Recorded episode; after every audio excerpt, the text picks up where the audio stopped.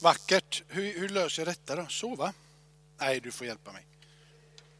Det var onödigt att spilla ut vattnet på ljuset. Nej, det är inget kul. Det är inget roligt. Tack så hemskt mycket. Det var roligt där, det här. Dan, du presenterade inte ordentligt idag. Du brukar ju heta både Heldan Halldan och snart så är du ju juldan också. Men i år blir det visst annandagen. För det är tisdagen. Eller hur? Så ni menar att ni kör även tisdagen? Ni är helt fenomenala. Du vet i somras här när folk skulle gå på semester och sånt där. Dan han kör på. Fullt folk här mitt i sommaren och det var väldigt roligt att se. Det är ju så att vi behöver varandra. Vi behöver närhet, eller hur Kjell? Ja. Och det är det som är julens budskap. Att Gud kom oss nära. Det är hela poängen med julen. Att detta märkliga, att Gud själv lämnar himmelen.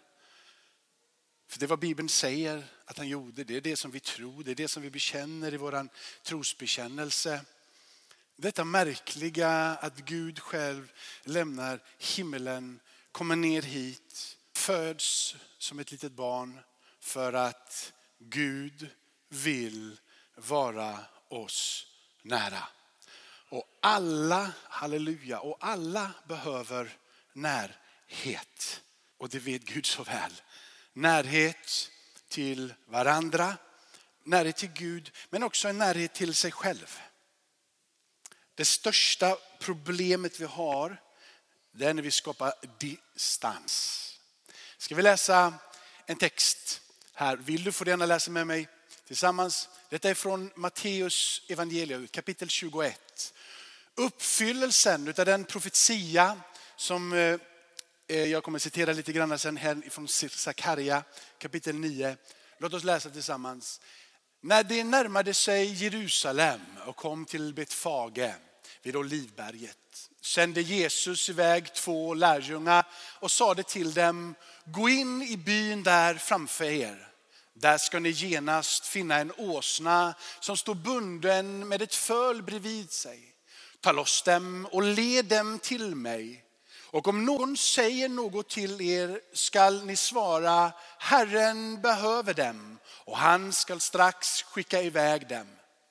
Detta hände för att det som sagts genom profeten skulle uppfyllas. Säg till dotter Sion, se din kung kommer till dig ödmjuk och ridande på en åsna, på en arbetsåsnas föl. Lärjungarna gav sig iväg och gjorde som Jesus hade befallt dem. De hämtade åsnan och fölet och lade sina mantlar på dem och han satte upp. Den stora folkmassan bredde ut sina mantlar på vägen. Andra skar kvistar från träden och strödde dem på vägen. Och folket, både det som gick före honom och det som följde efter honom, ropade Hosianna, Davids son. Välsignade han som kommer i Herrens namn. Hosianna i höjden. Advent som betyder ankomst. Eh, den väntan som hade varit i många, många år på att Messias skulle komma, den har nu kommit. Hosianna som betyder hjälp oss, rädda oss, kom med din hjälp. Och orden som vi så ofta säger i kyrkan, halleluja, betyder prisa Gud. Eh, lika stort som att ropa på hjälp. Hosianna, lika stort är det att säga halleluja. Lika stort som att säga halleluja är det att ropa Hosianna, rädda mig, hjälp mig. Det som är det märkliga med denna Jesus, det är att han förunderligt kan rida in på en åsna. Och i samma andetag vara, som Bibeln säger, konungarnas konung och herrarnas herre. Jag vet inte hur du reflekterar över texten när Jesus rider in. Vad var det de såg i Jesus? Vad var det som de hade sett som måste varit djupare och större än det som var bara för det fysiska ögat. Det var en vanlig man på en åsna, inte speciellt märkvärdig. Eller kanske värdig. Men det är så, se, se, konungen kommer till er. I samma andetag som det är en ödmjuk Får jag kalla det, jag vet att det är någon annan som har sagt i någon predikan jag har hört någon gång, som har sagt att det är någon märkvärdig skörhet över Jesus. Så är det samma andetag konungarnas konung och herrarnas herre. Jag tror att Gud vill lära oss någonting om sig själv när han träder in i staden ridande på en åsna. På just det sättet. Han ville vinna folkets tillit, folkets förtroende. Han vill inte komma till dem med ilska och vrede. Utan han rider in. För han söker och längtar att få möta dig. Och klär sig då i en märkvärdig skörhet. En skörhet som faktiskt blir ännu tydligare ju längre vi kommer in i julens budskap. Detta lilla barn som föds i ett stall i Betlehem. Kan det vara mer skört? Jesus är ju inte bara den sköre mannen på en åsna i ödmjukhet. Han är verkligen kung. Han är den sanne regenten, den gode regenten. Den som ska beskydda dig från allt annat som vill ha makt i ditt liv. Han som vill befria dig ifrån ångest, samvetskval. Han som vill skänka dig och mig förlåtelse och rätt i hans namn. Jesus är den som leder det osynliga riket som finns inom dem som tror och mitt ibland dem. I berättelserna om Jesus genom hela evangelierna så är det många unika och häpnadsväckande berättelser. Han går på vatten, bara det är ju ytterst märkligt. Eh, det blir mat för flera tusen av ett stycke få bröd och fiskar. Eh, och det som jag tycker är kanske den märkligaste berättelsen det är att han gör vatten till vin. Varför är den överhuvudtaget med? Och det finns så många berättelser om Jesus som är chockerande eller häpnadsväckande och svåra att tro på. Men det finns tre berättelser från Jesus liv som är direkt unika och avgörande och som allting annat måste byggas på. Tre stycken fundamentala delar i din och min tro om vem denna sköra man med konungvärdighet är. Och det är just jungfrufödseln med Jesus i centrum i stallet den andra delen är hans uppståndelse. Hans död är inte unik händelse. Du och jag, vi alla kommer nämligen att dö. Det som är det unika med Jesus och berättelsen om honom är att han uppstår ifrån det döda. Så nummer tre så är det himmelsfärden. Efter att i 40 dagar har vandrat tillsammans med lärjungarna så rycks han upp i höjden och de får se honom. Han säger att på samma sätt ska jag komma tillbaka. Jesus lever idag.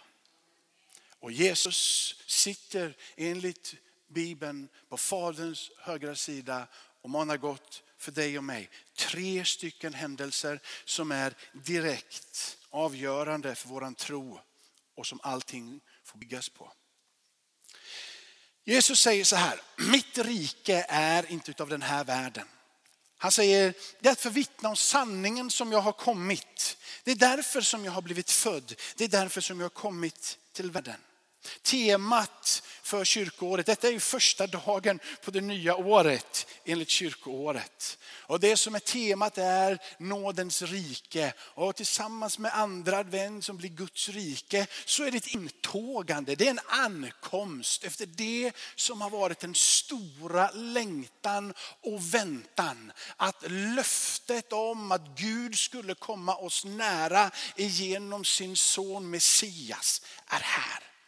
Nåden har trätt in i den här tidsåldern. Guds rike har trätt in för att du och jag genom tro ska ta emot den. Löftet om Kristus. Det är så här att löftet om Kristus ger dig och mig kraft att vänta. Vänta på honom och ta emot vad han har att ge. Vi har väl alla någon gång kanske öppnat en julklapp, kanske en eller två dagar eller flera veckor för tidigt. Det var kanske bara jag som har gjort det, men vi är väl några stycken kanske. Och det här med syndabekännelse är ju någonting som vi tar senare på gudstjänsten. Där har du korset, bör böja dina knän. Och så ber du Bernt Ljungqvist komma och be för dig så ska du kunna ta emot syndernas förlåtelse.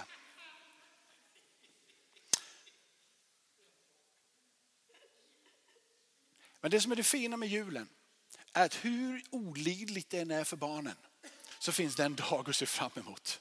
24 här i Sverige. Är man från något annat konstigt konungarike så är det något, något annat datum. Men den 24 är ju den riktiga. Så får du ta det med, med Andrew det andra. Vilket väl som helst, så eftersom det finns en dag där paketen kan öppnas så eh, även om frustrationen är så stor så bara vänta, dagen kommer. Ankomsten av den dagen ligger där och väntar. Ankomsten av den här dagen, den har trätt in. Nåden har kommit oss nära. Löftet är här. Jag vet inte, men jag tror, eller jag i alla fall och eh, kanske någon med mig gillar närhet. Ehm, en kram är aldrig fel, det är bara Benjamin Svedberg här i vår församling som inte gillar kramar. Men alla andra gillar kramar och närhet, tror jag. Vårt samhälle är fyllt skulle jag vilja säga, utav krav. Vårt samhälle är fyllt av villkor. Jag skulle säga att vårt samhälle är byggt ungefär som att om du ger någonting så får du någonting. Samhället är inte byggt för dem som är i utanförskap. Ska du få någonting så måste du ge någonting. Guds löfte och nåd ger dig en verklig närhet. Gud håller vad han lovar. Det är just därför du kan komma till honom. För han lovar att du kan komma utan villkor. Det är därför som vi sitter i den här kyrkan idag. Guds ande är här, det lovar han. Det beror på, inte på oss, överhuvudtaget. Utan bara på att han själv är trofast till sitt ord. Det är det här julen handlar om. Att Gud kom oss nära. Och jag skulle vilja säga en närhet som alla behöver. En närhet, en verklig närhet utan villkor. I ordet nära så ligger löftet om Gud själv. Jesus kom nära. Nära orenhet. Det är vad Bibeln säger. Jesus närhet till orenhet. Det är det som ger dig och mig verklig närhet. Guds rike, lyssna på det här för dig som även är, är van kyrkobesökare och höra både mig och Andrew och andra predika ofta. Jag vill bara säga, Guds rike det fanns innan Jesus kom. Guds rike fanns innan Jesus kom. Den stora skillnaden är att genom Jesus så blev Guds rike nära dig och mig. Guds rike har kommit oss nära genom Jesus. Så den radikala skillnaden i julens budskap att Guds rike har kommit oss nära måste gälla alla människor. Alla människor, vi har alla behov av närhet utan villkor och vi får komma precis som vi är. Du kan fullt ut vara dig själv och i honom blir du aldrig någonsin bortstött. Jesus drar sig inte undan trots att han vet allting om dig. Han drar sig nära dig utan villkor. Jesus kommer nära dem faktiskt som ingen, ingen någonsin ville ha att göra med. Evangelieberättelserna, och jag tar och belyser en, Matteus 8, så är det så här att Jesus kommer nära en spetälsk. Och den här spetälska rör han vid och genast så blir den spetälske botad, renad. Jesus kommer nära det som ingen ville röra. Ingen ville röra den spetälske, för rörde du den spetälske så var du enligt lagen oren. Ingen ville röra den spetälske, men Jesus kommer till och med nära den som ingen ville röra. Den som var utfryst bortanför samhället, inte hade en plats. Jesus går till den som ingen ville röra och han rör och genast så blir mannen frisk. Jag skulle vilja säga att vårt samhälle gör precis likadant idag. Vi har utanförskap och dit vill ingen gå. Och vi tror, patetiskt nog skulle jag vilja säga, att distans blir lösningen lyssna, när närheten, när vi tror att närheten kommer ge oss problem. När vi tror att närheten till det som är utstött, när närheten till det som är annorlunda, när närheten till det som inte vi är bekväma med, när närheten till det som du och jag inte vågar ställa överst på våra hyllor där hemma så alla ska se. När vi distanserar oss ifrån det som vi egentligen skulle möta så får vi en sjuk värld. Distans är inte lösningen. Det är det som är skillnaden mellan Gud och inte Gud. När Jesus kommer nära orenhet, när Jesus kommer nära synd så blir han själv inte oren och syndig. Utan det är precis tvärtom. När Jesus rör vid det som är orent så blir rent och heligt. Ni vet ett sjukhus. Alltså, sjukhus. Vad är det för någon typ av människor som söker sig till ett sjukhus? Sjuka människor. Det är ganska logiskt. Och det vore, väldigt, det vore totalt fruktansvärt ologiskt om, om vi hade en sjukhusledning som började fundera på hur vi ska bli mer relevanta och hur vi ska bli, bli, bli mer tidsenliga eh, för de friska. Tänk om sjukhusledningen skulle börja prata, alltså det är så jobbigt med alla dessa sjuka människor, vi är lite trötta på det. Skulle vi inte bara kunna få hit lite, lite mer friska människor? Så vad de gör då för att få hit lite mer friska människor, för de tycker det är så jobbigt med alla dessa sjuka människor, det är att de säger, kan vi inte ta hit fler läkare?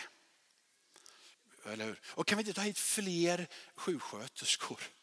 Och fler administratörer, men ta inte hit fler sjuka människor. Sjuka människor kommer att söka upp sjukhuset när de får insikt om att de är sjuka. De kommer själva en dag att komma till sjukhuset för de behöver sjukhuset. Bibeln lär oss att alla människor är på något sätt andligt sjuka. De goda nyheterna är att Jesus kom sådana människor. Och sådana människor så menar jag oss, dig och mig. Det jag säger nu, stör dig inte så mycket på det utan tänk på, vad, på, på meningen som kommer efter. Jag skulle vilja säga att du och jag, vi är Vi är oandliga. Jag skulle vilja säga att vi är cyniska. Jag skulle vilja säga att vi som människor är oftast väldigt självupptagna. Att vi lever i en ständig omoral och att vi är hårda. Jag skulle också vilja säga att vi vill inte vara sådana. Men vi klarar inte av att sluta. Vi klarar inte av att ändra oss. Vi faller tillbaka i det om och om igen. Och vet du vad som är nästa steg i det? Det är att vi faktiskt skäms lite. Och så gör vi någonting som vi gömmer oss. Och när du börjar gömma dig så har du börjat göra det som vi absolut inte ska göra. Vi har börjat att distansera oss istället för att komma nära. Vi distanserar oss först ifrån oss själva för vi orkar inte med oss själva. Vi skäms så. Sen distanserar vi oss för andra så att inte de ska se det. Och sen distanserar vi oss från Gud själv och då börjar det bli illa. Men julen handlar om att han har hittat oss. Julen handlar om att han har kommit nära. Bara en människa har faktiskt blivit lämnad av Gud. Och det var Jesus på korset. Jesus säger min Gud, min Gud, varför har du övergivit mig? Men han gjorde det så att vi skulle kunna komma nära och aldrig bli övergivna. Det är nådens rike. Det är Guds rike mitt ibland oss. Vi får någonting. Han ger oss någonting för att vi aldrig ska bli övergivna. På korset så står det att det kom ett mörker över världen. Men i Jesus så kommer det ett ljus.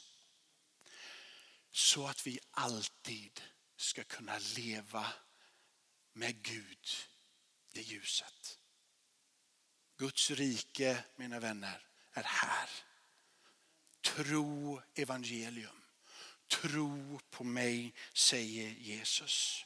Tro är att ljuset har kommit in i världen genom Jesus. Ljuset som gör att vi inte behöver distansera oss från oss själva, från varandra, från Gud. Utan ljuset har kommit nära så att vi kan komma till Gud.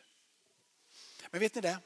Jag går in för landning nu. Har bara några två korta saker att säga egentligen. Men alla som mötte Jesus blev inte glada över vad de hade.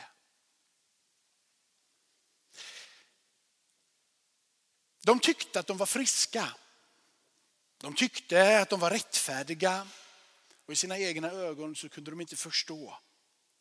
Och de var arga på Jesus för att Jesus pratade om nåd. En väg till Gud utan villkor.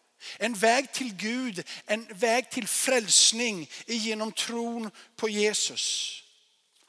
Det här hotade deras värld utav att kunna självförverkliga sig själv och kunna allt. Jag skulle vilja säga om du är här idag och du känner dig frisk och inte är i behovet av hjälp så är julens budskap enligt evangeliet om Jesus ingenting för dig.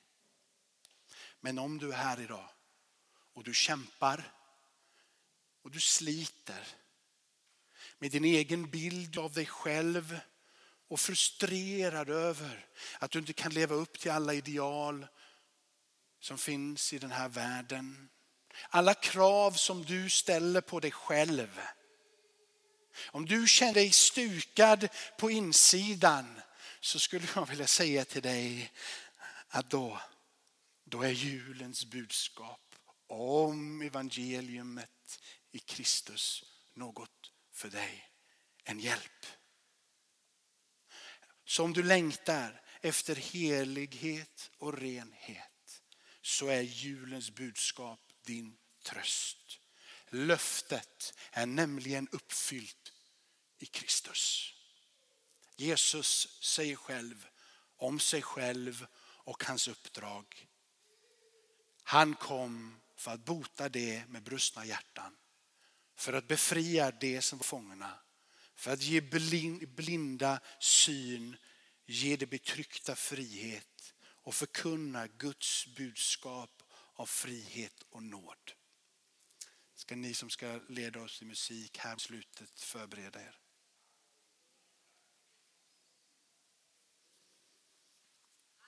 Tänk att det finns en närhet där du inte behöver prestera någonting. En närhet där du kan få vara dig själv.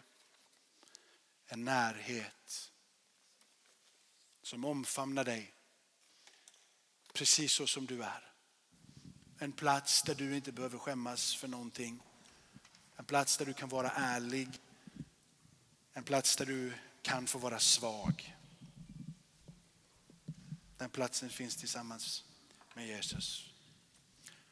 Ska vi be en bön och sen så kommer det här gäng som är här, Axel och Jenny och Benjamin och vilka det nu än är, att leda oss i någonting som vi brukar kalla för lovsånger. Men alla sånger, både de som fanns i en röd bok förr, och alla sånger generellt som handlar om vem Gud är, är ju lovsånger. Det är sånger vi sjunger för att ge Gud lov, pris och ära. Och när man sjunger till Gud och ger honom lov, pris och ära så är det lovsånger. Det här gänget här leder oss i några enkla sånger så du kan få fundera på om du vill att Gud ska komma dig nära. Det behöver inte vara så märkligt. Du kan sitta där du är och du kan be en bön. Kanske för första gången och säga Gud om du finns, om budskapet om Jesus är sant. Låt mig då få möta med dig. Ta bort min skam, ta bort min skuld och låt mig få känna hur du vidrör mig. Jag ber Fader i himmelen för avslutningen av den här gudstjänsten. Var nära. Låt oss få uppleva din närhet. Vi vill inte bara tala om att du är nära, vi vill uppleva att du är nära. Bibeln ger oss uppmaning att söka dig om och om igen. Bibeln talar om så många möten där människor får uppleva och erfara vem du är. Och det vill vi. I slutet av den här gudstjänsten så vill vi erfara dig. Vi vill inte bara resonera i våra huvuden utan vi vill känna dig i våra hjärtan. Jag ber för alla dem som är här idag. Beskydda dem och bevara dem. Led dem för ditt namns skull. Låt dem få märka av dig. Låt dem få se dig. Både i din märkvärdiga skörhet när du rider in ödmjukt och vinner tillit och förtröstan hos människor. Men också få se dig, du som är konungarnas konung och herrarnas herre. Amen. Leder ni oss i någon sång?